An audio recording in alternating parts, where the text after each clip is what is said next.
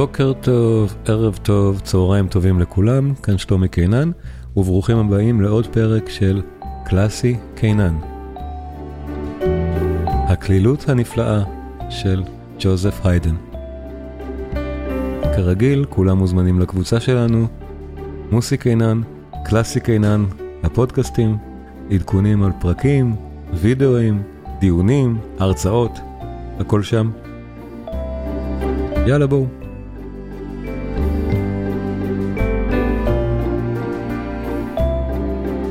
הקלילות הנפלאה של ג'וזף היידן. היידן, כן, התכנסנו לשם היידן. אז אה, ג'וזף היידן זה תופעה מוזרה בישראל. אה, שיש יש בארץ דברים מוזרים במה שנקרא reception, אה, בקבלתם של מלחינים. אני לא יודע איך אומרים בעברית את המילה הזאת, reception, איך אנחנו מתייחסים, מי חשוב, מי פחות חשוב, ומשתמע מכך מה אנחנו שומעים בפילהרמונית, מה אנחנו שומעים בכל המוזיקה, ומה אנחנו כישראלים, דוברי עברית, חשוב, צורכים את זה בעברית, יודעים על מוזיקה קלאסית בכלל. גם על, גם על תרבות עולמית בכלל. כי הפרספקטיבה שלנו כצרכני תרבות בעברית שונה לגמרי מהפרספקטיבה של צרכן התרבות באנגלית. וההערכה שלנו למלחין כמו היידן שונה לחלוטין בגלל זה. אה, אז אה, אני אתחיל בדבר מאוד פשוט. היידן זה מלחין שאתם לא מכירים, אני מניח, אולי אני טועה. אף תלמיד שלי למוזיקה אף פעם לא הכיר את היידן, אף פעם. אני מדבר על כמה? שמונה מחזורים. אז לדעתי בישראל לא מכירים את היידן. זו, זו המסקנה שלי מה, מה, מה, מההתנסות שלי. בואו נראה. למה לא מזכירים את, את זה? לדעתי, מסתכלים, אומרים, כשמבקשים המלצות על מכינים, נגיד, אז, אז אה, יש לי נגיד הרבה, הרבה כאלה שאוהבים, אה, שאוהבים מוזיקה קלאסית, ואז הם אספנים. אז אוספים נניח את מחזור הקונצ'רטי לפסנתר המלא של מוצרט, כי זה באמת מחזור אגדי. זאת אומרת, אומרים למלחין יש את ה-C שלו, אז מוצרט זה מחזור הקונצ'רטי לפסנתר, ומחזור האופרות, נגיד ככה, בטהובן, מחזור הסימפוניות, מחזור הרביעיות, מחזור הסונטות לפסנתר. אצל היידן, לדעתי, זה דווקא מחזור שלישיות הפסנתר. ואני אומר לדעתי, זו דעה לא מקובלת. אבל בואו נשמע אחת, לא אחת, פרק, משלישיית פסנתר. מספר חמש, שוב, היידן מלחין כל כך פורה, שתראו כמה שלישיות יש. שתראו, כן, תראו את המסך שלי. שלישיות הפסנתר של היידן זה כל זה. כמה מוזיקה. בואו נשמע אחת. מספר חמש, סול מינור, פרק, מודרטו. אני לא מפריע לו, תקשיבו, חמש דקות.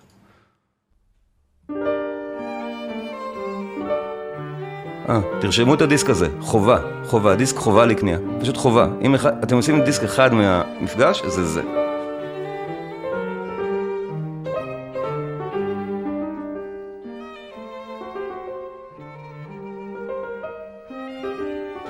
ואני באמת, בניגוד למנהגי, לא מפריע למוזיקה הפעם. אתם פשוט, פשוט תאזינו, כי אני ממש רוצה שהיידן ייתפס אצלכם. אה, זה כדאי, זה כדאי. אני רואה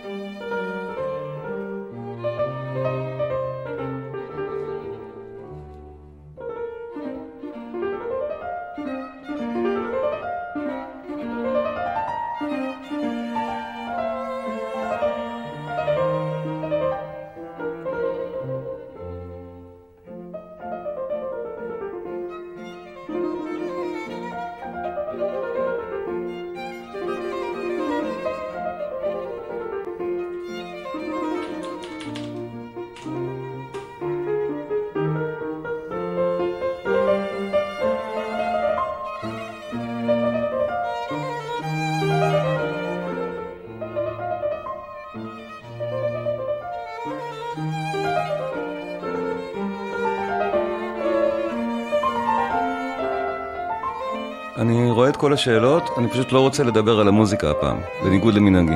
אז אחרי הקטע אני אענה.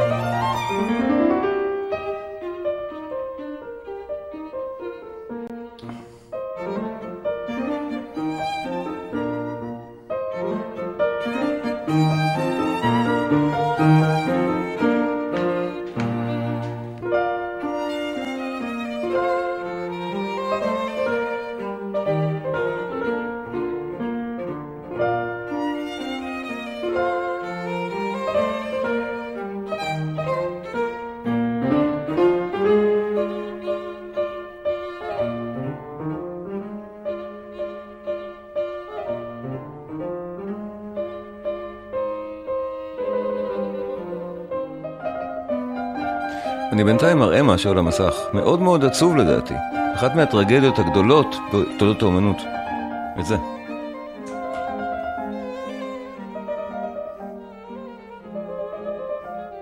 אלה, אלה. זה הכי טרגי. לא, שני אלה. סליחה, שני אלה. זה חלק, מהסיפ... זה חלק מהעניין. זה ממש חלק מהעניין.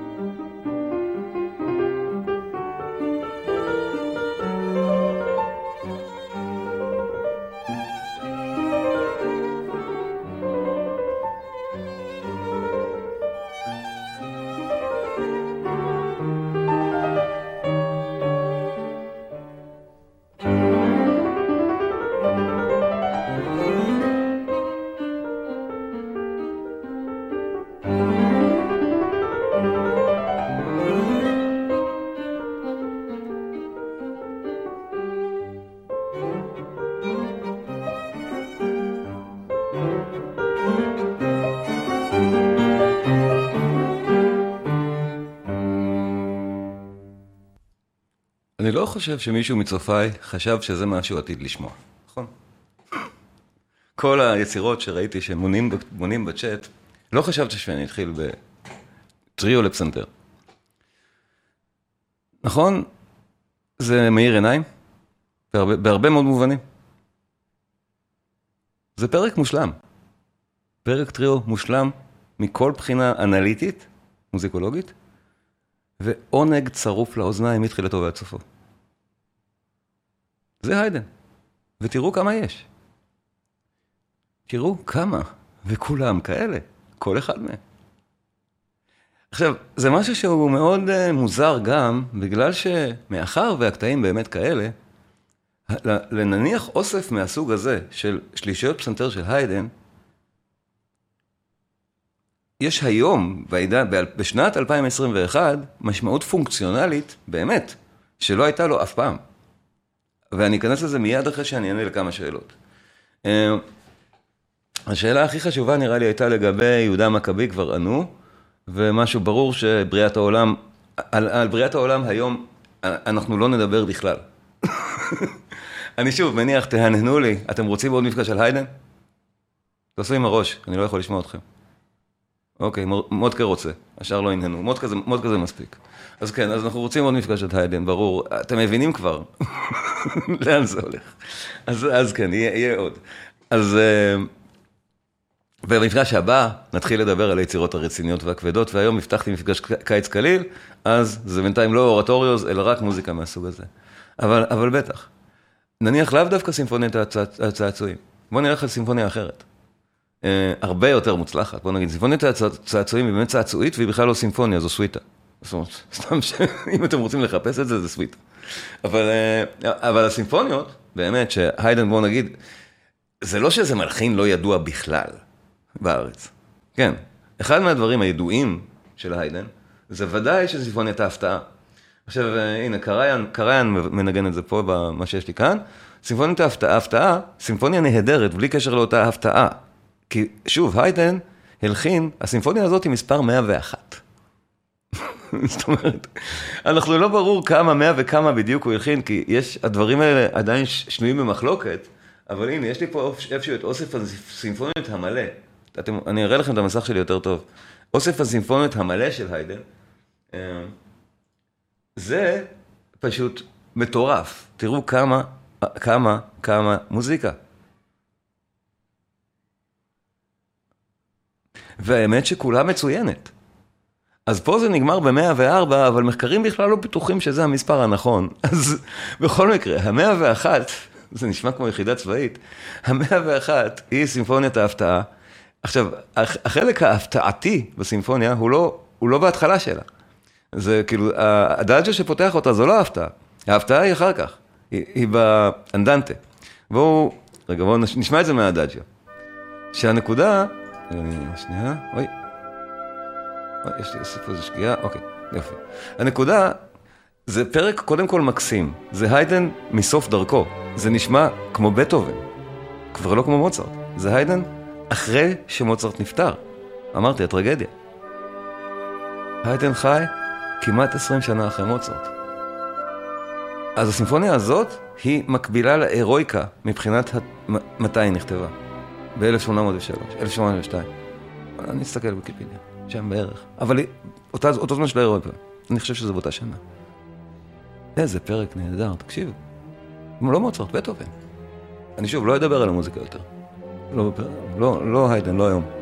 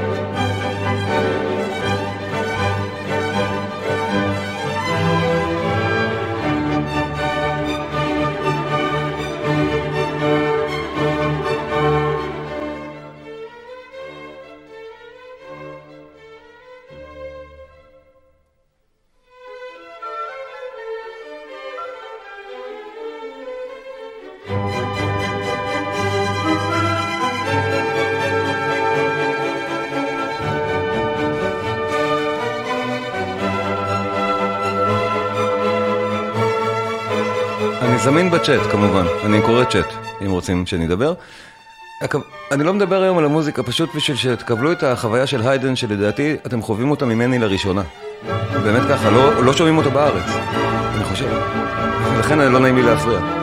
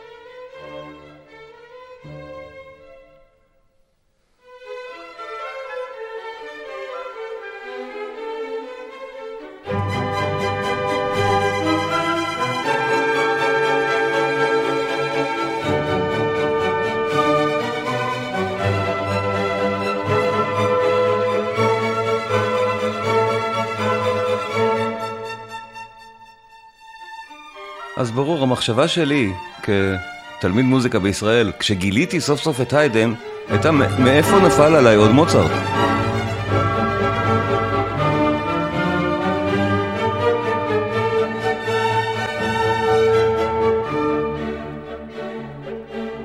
איזה מוזיקאי נפלא, איזה יצירה נהדרת.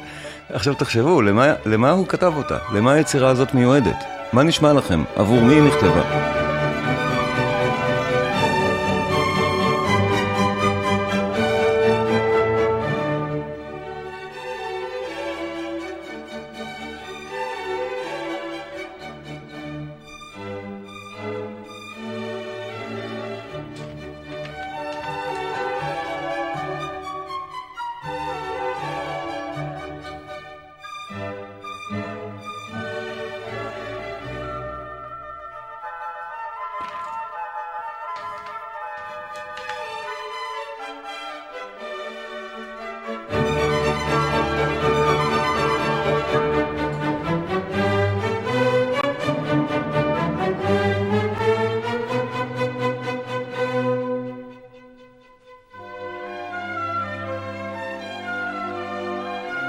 אני רואה ששואלים מה אנחנו שומעים. אנחנו שומעים...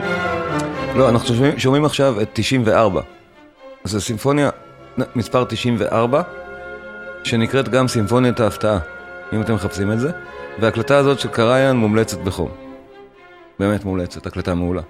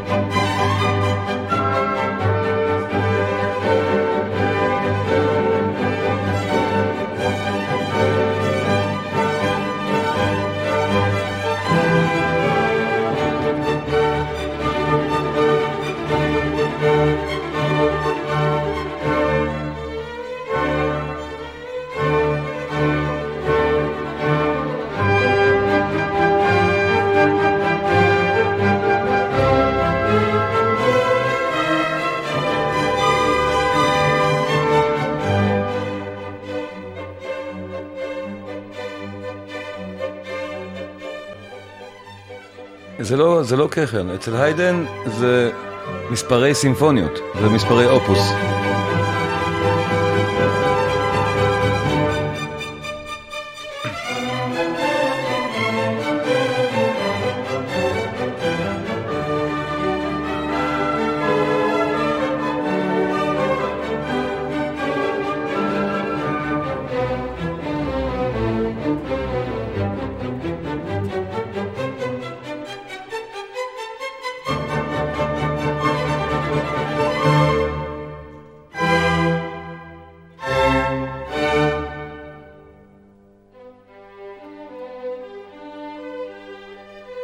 אנחנו מזהים סימפוניה של בטהובן בכל דבר. פשוט ככה. אם אנחנו לרגע עוצמים עיניים, ההשפעה של היידן על בטהובן היא כל כך ישירה, אין מה בכלל. זה מובן מאליו. ההשפעה של מול, על מוצרט, מובן מאליו. פאפה היידן, אבי הסימפוניה. לא סתם, זה התואר.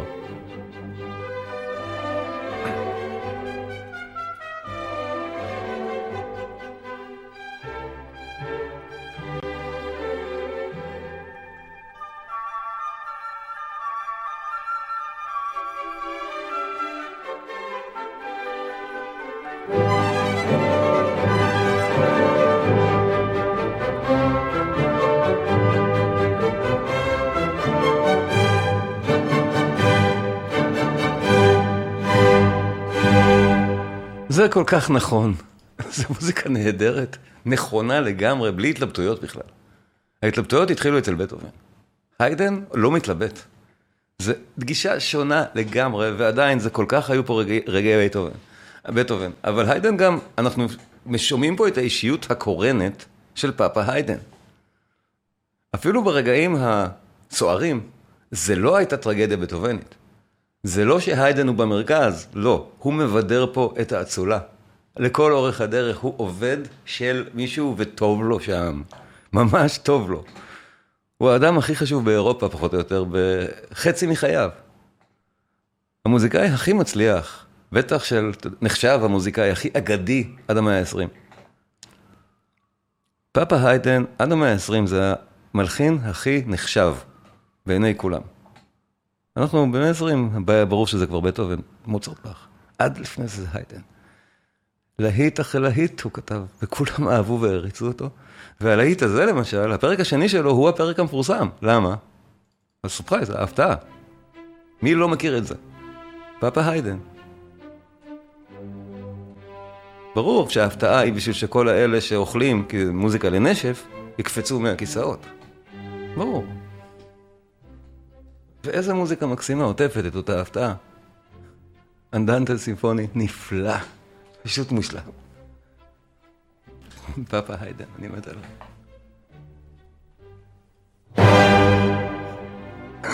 אפילו אנחנו קפצנו.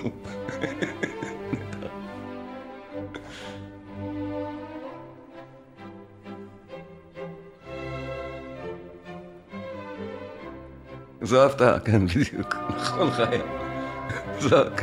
זה מוזיקה שמיועדת לנשף. סימפוניות של היידן יועדו לאירועים חברתיים מהסוג הזה.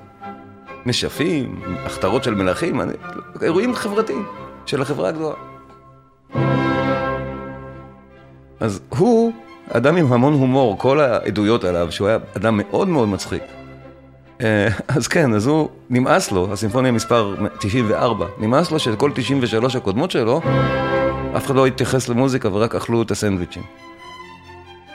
אז היא רצתה לראות מה קורה אם הוא מקפיץ אותה מהכיסאות, זה בדיוק זה, הבום הזה, כן. היידה, נהדר.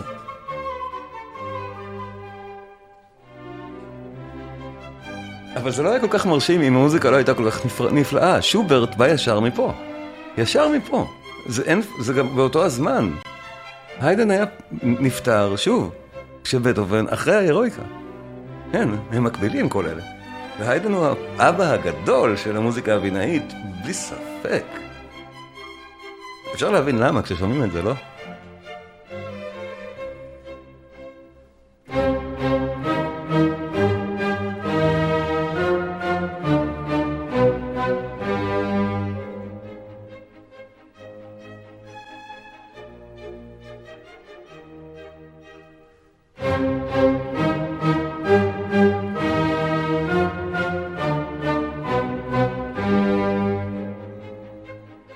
המודולציות פה נפלאות, שוב, מוזיקאים שומעים את זה יחד איתי, זה... הכתיבה ההרמונית של היידן נפלאה.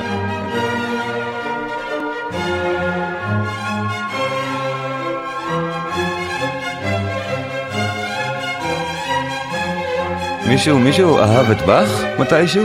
אולי היידן? כמה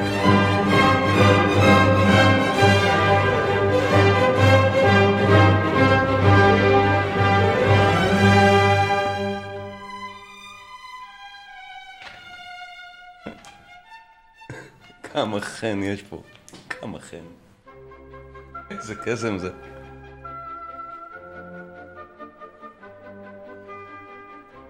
היידן העריץ את באך. הוא גילה אותו באותו זמן שמוצרט. אותו אדם הביא את התווים לשניהם, להיידן ולמוצרט ווינה, ון סווייטן, ון סוויטן, השגריר של האמסטרבורגים באמסטרדם. גם היידן וגם מוצרט, שניהם כתבו על זה מכתבים, על החוויה המכוננת, שהם גילו את התווים של באך.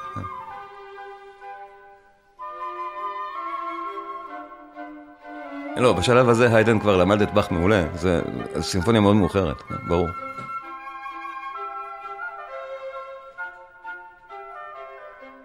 אז אגב, גם את, את הנדל הוא מאוד העריך, העריך, ודאי, גם הנדל היה נחשב ענק, בטח. היידן למד את הנדל מצוין, והכיר את, אותו על בוריו, הוא הכיר את הנדל לדעתי הרבה יותר טוב ממה שהוא הכיר את באך.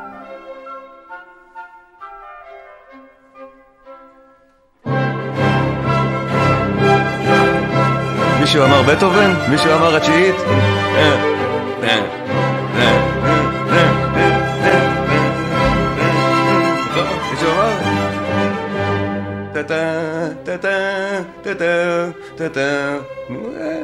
התקשורת עובדת בווינה, נהדר. אבל האמת שביקורת על ישראלים, זו החוליה החסרה שחסרה לה המון מבצעים פה. חייבים להכיר את היידן בשביל לבצע את בטהובן. חייבים. איך אפשר בלי? באמת.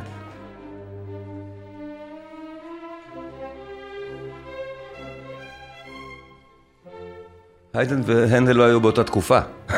היידן הרבה יותר, הנדל הרבה יותר מוקדם.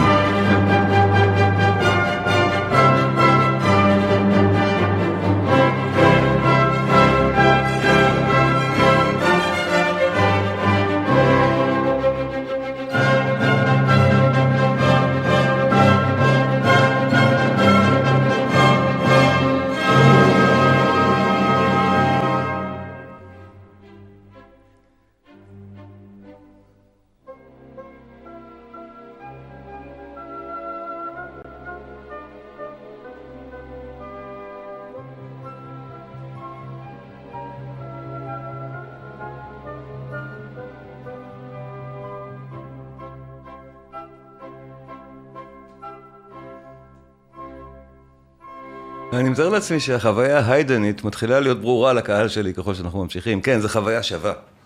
בואו, בואו נלך על היידן בימי הקיץ, זה, זה פלייליסט שלא נגמר, ואנחנו רואים את זה. כל כך הרבה סימפוניות. אבל להתחיל מזאת, למה לא? להתחיל מהטריוס ששמענו קודם. ולכן אני רוצה טיפה לעשות איזה מעברון קטן בסוגריים, למה, מה כדאי, להש... למה כדאי להקשיב. למשל, זה מאוד כדאי. הדיסק הזה שאנחנו רואים פה, מאוד מומלץ. הוא דיסק מעולה. אבל כמה סימפוניות יש פה? שתיים. זאת אומרת, זה, זה לא... ואפילו את זאת, למשל, אנחנו, כן, היא ארוכה, ברור, סימפוניה בהיקף בטהובני, אבל אני לא, לא אשמיע את כולה עכשיו מקוצר זמן. אז, אז כדאי מאוד לרוץ ולקחת את הדיסק הזה איפשהו באיזשהו שירות, שירות סטרימינג, או אני לא יודע, ביוטיוב פשוט הרבה פעמים אין את אלה.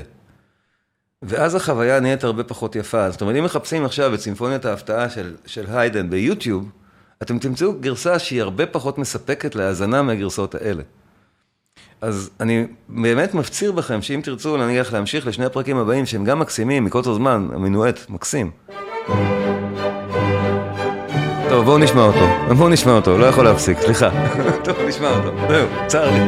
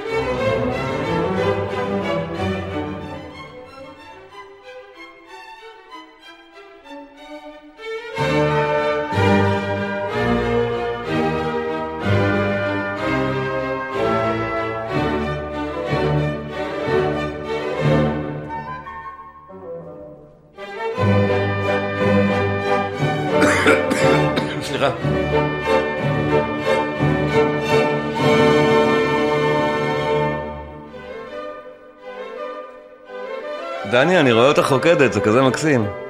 כזה מקסים, אני מקליט את זה. הנה. איזה יופי. איזה יופי.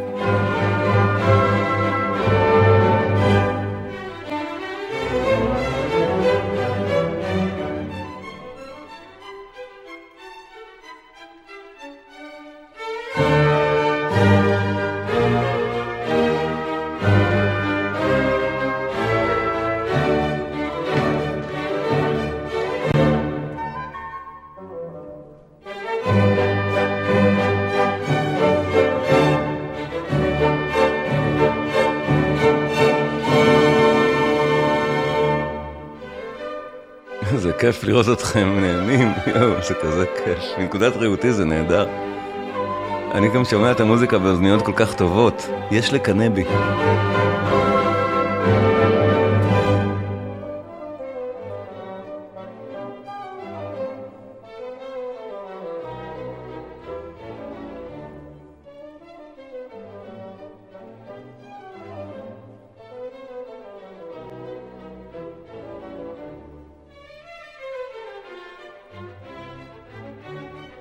אהוד, מותר לי לחרוג בזמן?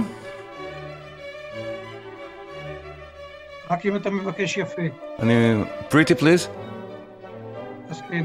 אני רוצה להשמיע את הסימפוניה עד הסוף. זה פשוט עוד פרק, אני רוצה להכניס לתוכנית, בסדר? טוב, תודה.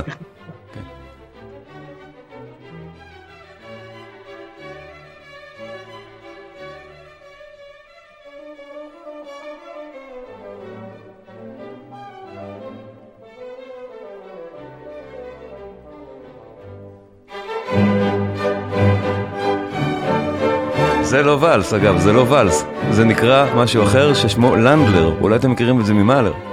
זה ריקוד אוסטרי. אה, ריקוד עממי אוסטרי, כפרי, כוונה. לא, לא ריקוד, אה, לא ריקוד... הם מנגנים אותו כמו לנדלר. זה מדהים. הוא הרבה יותר כבד מוואלס. לא מעודן. סליחה, זה לא לנדלר, מינואט, מינואט, התבלבלתי, יואו, אני כל כך כבר בטריפ בעצמי, זה מינואט ולא ואלס.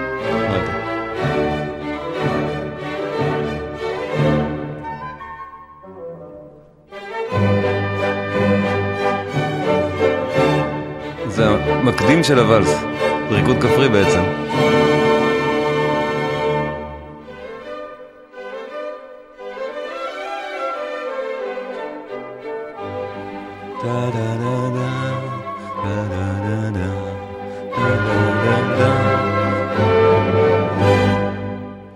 פאפה היידן, אבי הסימפוניה, אז מנגן אצלי פעמיים, הקובץ נמצא פה פעמיים, זה לא שחזרנו להתחלה, זה פשוט התחיל את הפרק שוב, הפרק הסתיים פה.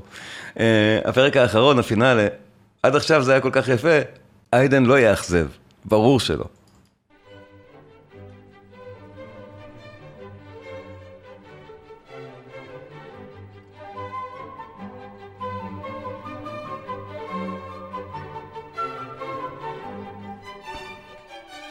עכשיו שימו לב, הפרק קצר, ארבע דקות, פינאלה. זה לא בטהובן בכלל. זה, זה ממש לא בטהובן. ארבע דקות פינאלה. לא. בטהובן את זה, הפך את הדבר הזה על הראש. אבל אצל היידן, זה הפינאלה.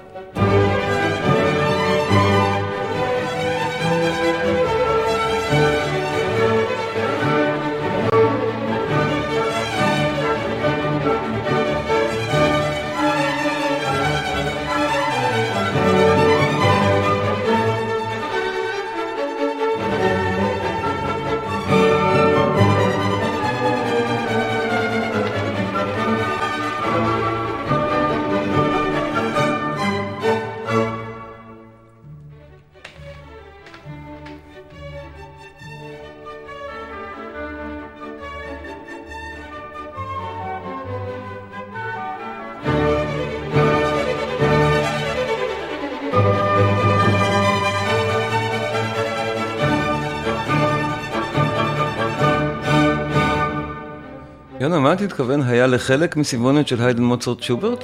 לא הבנתי מה אתה כותב, תכתוב עוד פעם. לא, לא הבנתי.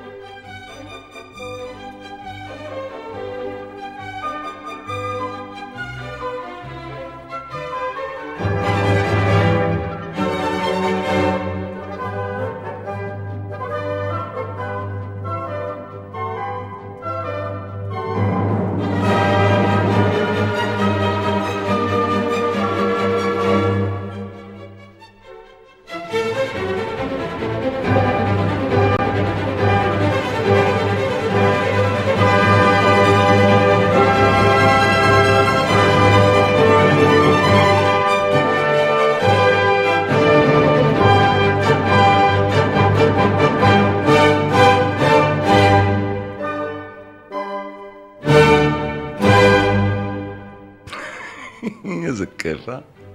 זה לא נגמר, שנייה, לא נגמר. אצלי זה תמיד ממשיך, חוזר בלופ, סליחה על זה. בכל מקרה, אה, איזה תענוג לדבר על איידן, אה? זה ערב, אתם, אתם נהנים כמו שאני נהנה? אני כאילו מאבד את הפוקוס מרוב שאני נהנה. אני מתחיל לדבר שטויות. בכל מקרה, כן, אני אחזור לפוקוס. אז אה, מה שצריך להזהיר זה מפני אוספים לסוגיהם במקרה היידן. אתם ראיתם אפס קצהו של הרפרטואר, זאת אומרת, ראיתם אצלי את הרשימות מכולת האלה. כמה זה. ואז נגיד, יש כוונות טובות מאחורי אוספים, למשל, אה, יש, יש לי אוסף כזה מאוד יפה של הרמוניה מונדי, שהוא באמת, אה, באמת, באמת יפה, אין, אין מילים רעות להגיד עליו. זה אוסף קטעים נהדר של היידן, כאילו מומלץ. הבעיה היחידה, שאיך אפשר להכניס את היידן לזה? זאת אומרת, זה לא מדגם, שום דבר לא יהיה מדגם מייצג. כאילו, מה יש לנו פה? הסימפוניה השישית, שוב, נפלא. זה היידן המוקדם. הוא כמעט, הוא, המוקדם זה כבר חופף את באך, מבחינת, לא מבחינת סגנון, אלא... זאת ה... באך, נראה, נראה את הדבר הזה עוד פעם. היידן המוקדם זה די קרוב למותו של באך. זה מדהים. באמת מדהים.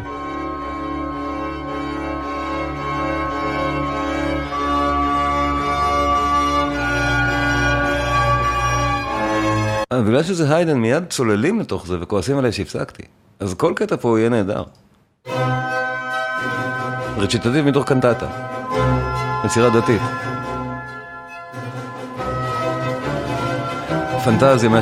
פנטזיה 170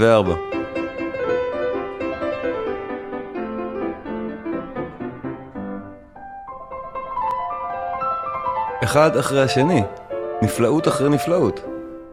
רביעיית מיתרים 33, מספר 2.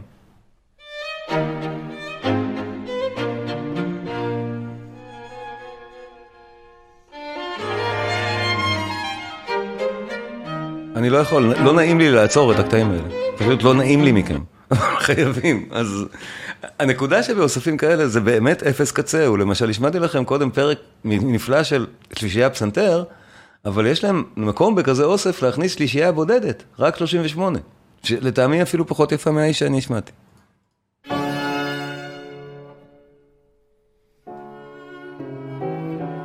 הרבה יותר מאוחרת, כל השלישיות שלו נהדרות, אבל האיש שאני השמעתי אני יותר. זה כבר, שוב, מאוחר, הוא נשמע כמו מוזיקה קאמרית של בטהובן ולא של מוצרט, שימו לב, חדי האוזן.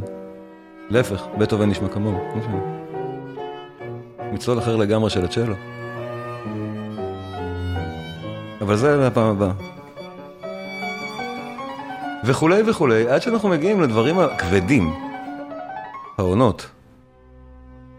ופה אזהרה, היידן הוא לא רק קליט, הוא היה מלחין רציני, הוא הלחין אופרות, הוא הלחין יצירות דתיות.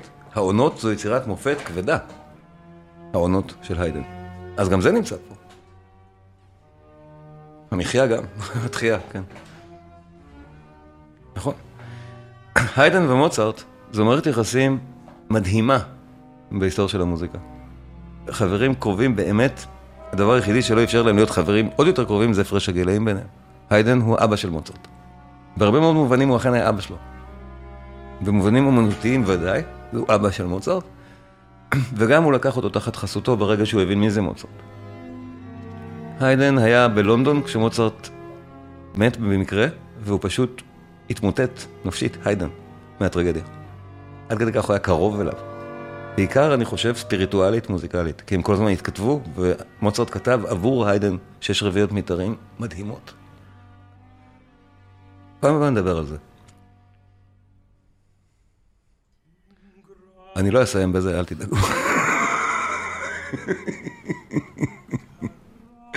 נסיים בדוגמית מסימפוניה נוספת. שמענו, שמענו את קריין קודם, אה, איפה זה היה? ב...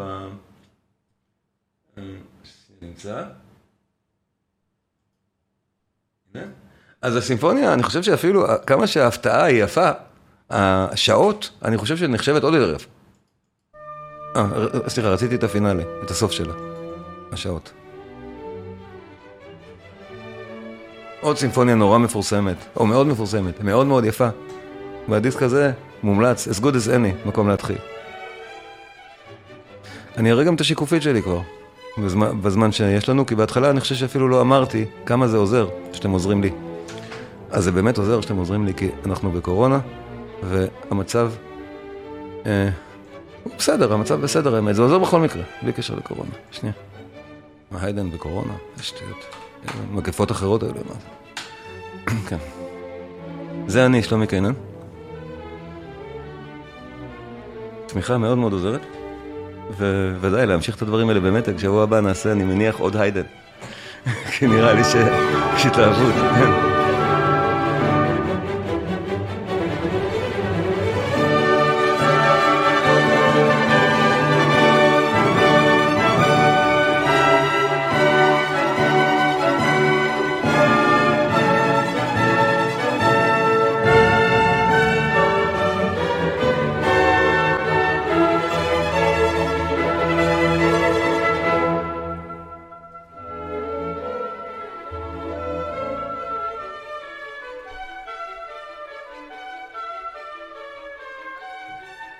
איזה מוזיקה מקסימה, האיש הזה כתב.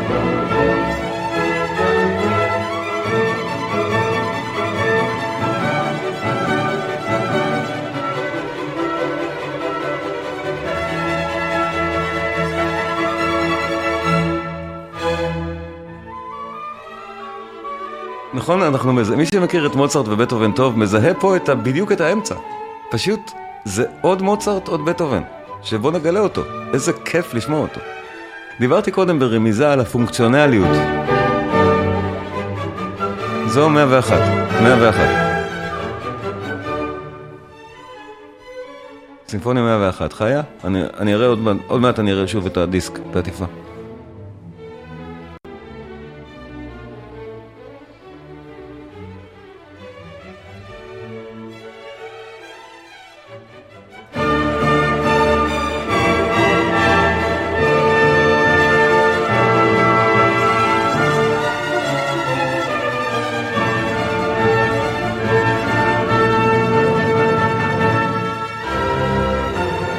שוב את העטיפה של הדיסק.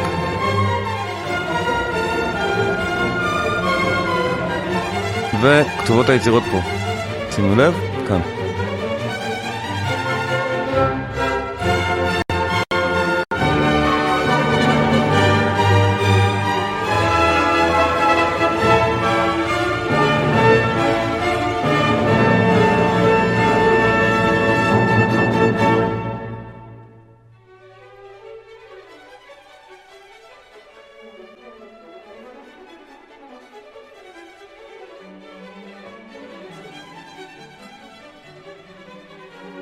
מזהים פוגה? מי שאצלי בבאך מזהה. אני מתאר לעצמי. היידן תלמיד טוב של הדבר הזה.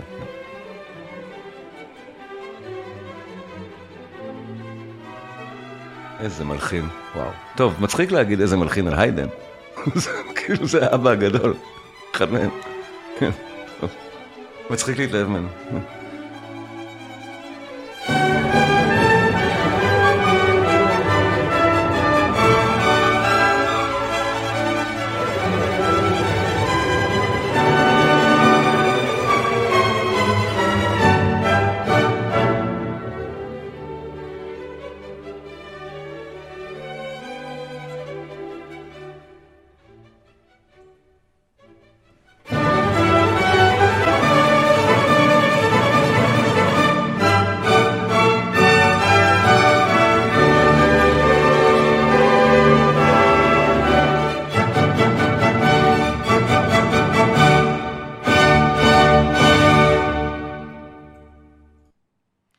תודה רבה, מתג.